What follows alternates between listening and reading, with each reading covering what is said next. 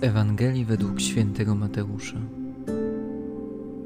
Jezus opowiedział swoim uczniom następującą przypowieść.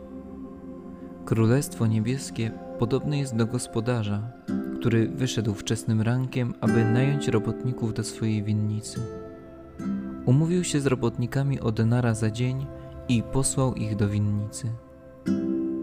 Gdy wyszedł około godziny trzeciej, zobaczył innych stojących na rynku bezczynnie i rzekł do nich: Idźcie i wy do mojej winnicy, a co będzie słuszne, dam wam.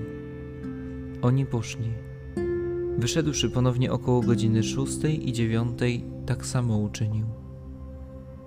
Gdy wyszedł około godziny jedenastej, spotkał innych stojących i zapytał ich – Czemu tu stoicie cały dzień bezczynnie? Odpowiedzieli mu, bo nas nikt nie najął. Rzekł im, idźcie i wy do winnicy. A gdy nadszedł wieczór, rzekł właściciel winnicy do swojego rządcy: Zwołaj robotników i wypłać im należność, począwszy od ostatnich aż do pierwszych. Przyszli najęci około godziny jedenastej i otrzymali po denarze. Gdy więc przyszli pierwsi, myśleli, że więcej dostaną, lecz i oni otrzymali po denarze.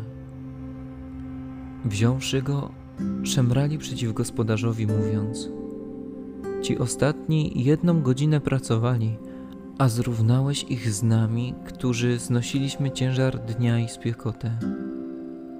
Na to odrzekł jednemu z nich: Przyjacielu, nie czynię ci krzywdy Czyż nie o denara umówiłeś się ze mną? Weź co twoje i odejdź. Chcę też i temu ostatniemu dać tak samo jak tobie. Czy mi nie wolno uczynić ze swoim, co chcę? Czy na to złym okiem patrzysz, że ja jestem dobry? Tak ostatni będą pierwszymi, a pierwsi ostatnimi.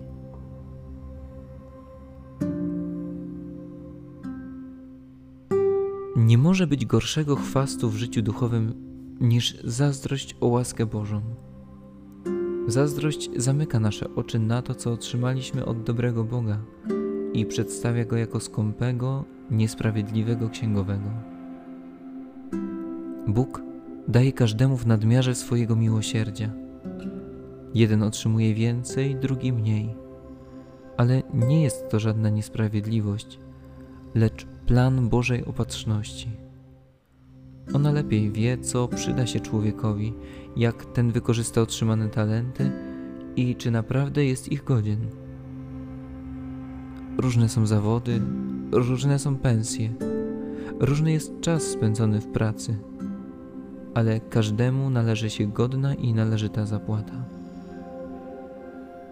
Denarem dzisiejszej przypowieści jest życie wieczne Pan chce je dawać każdemu w obfitości i nie żałuje nikomu nieba odkupionego drogocenną krwią Jezusa. Może się jednak zdarzyć, że nasze serca będą zbyt skąpe i będziemy żałować innym Królestwa Bożego.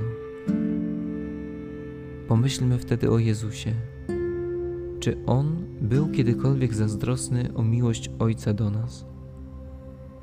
Czy kiedykolwiek żałował nam otrzymanej przez nas godności dzieci Bożych? Nie bądź zazdrosny. A jeśli już masz być zazdrosny, to bądź zazdrosny o te rzeczy, które odbierają Bogu pierwsze miejsce w Twoim życiu.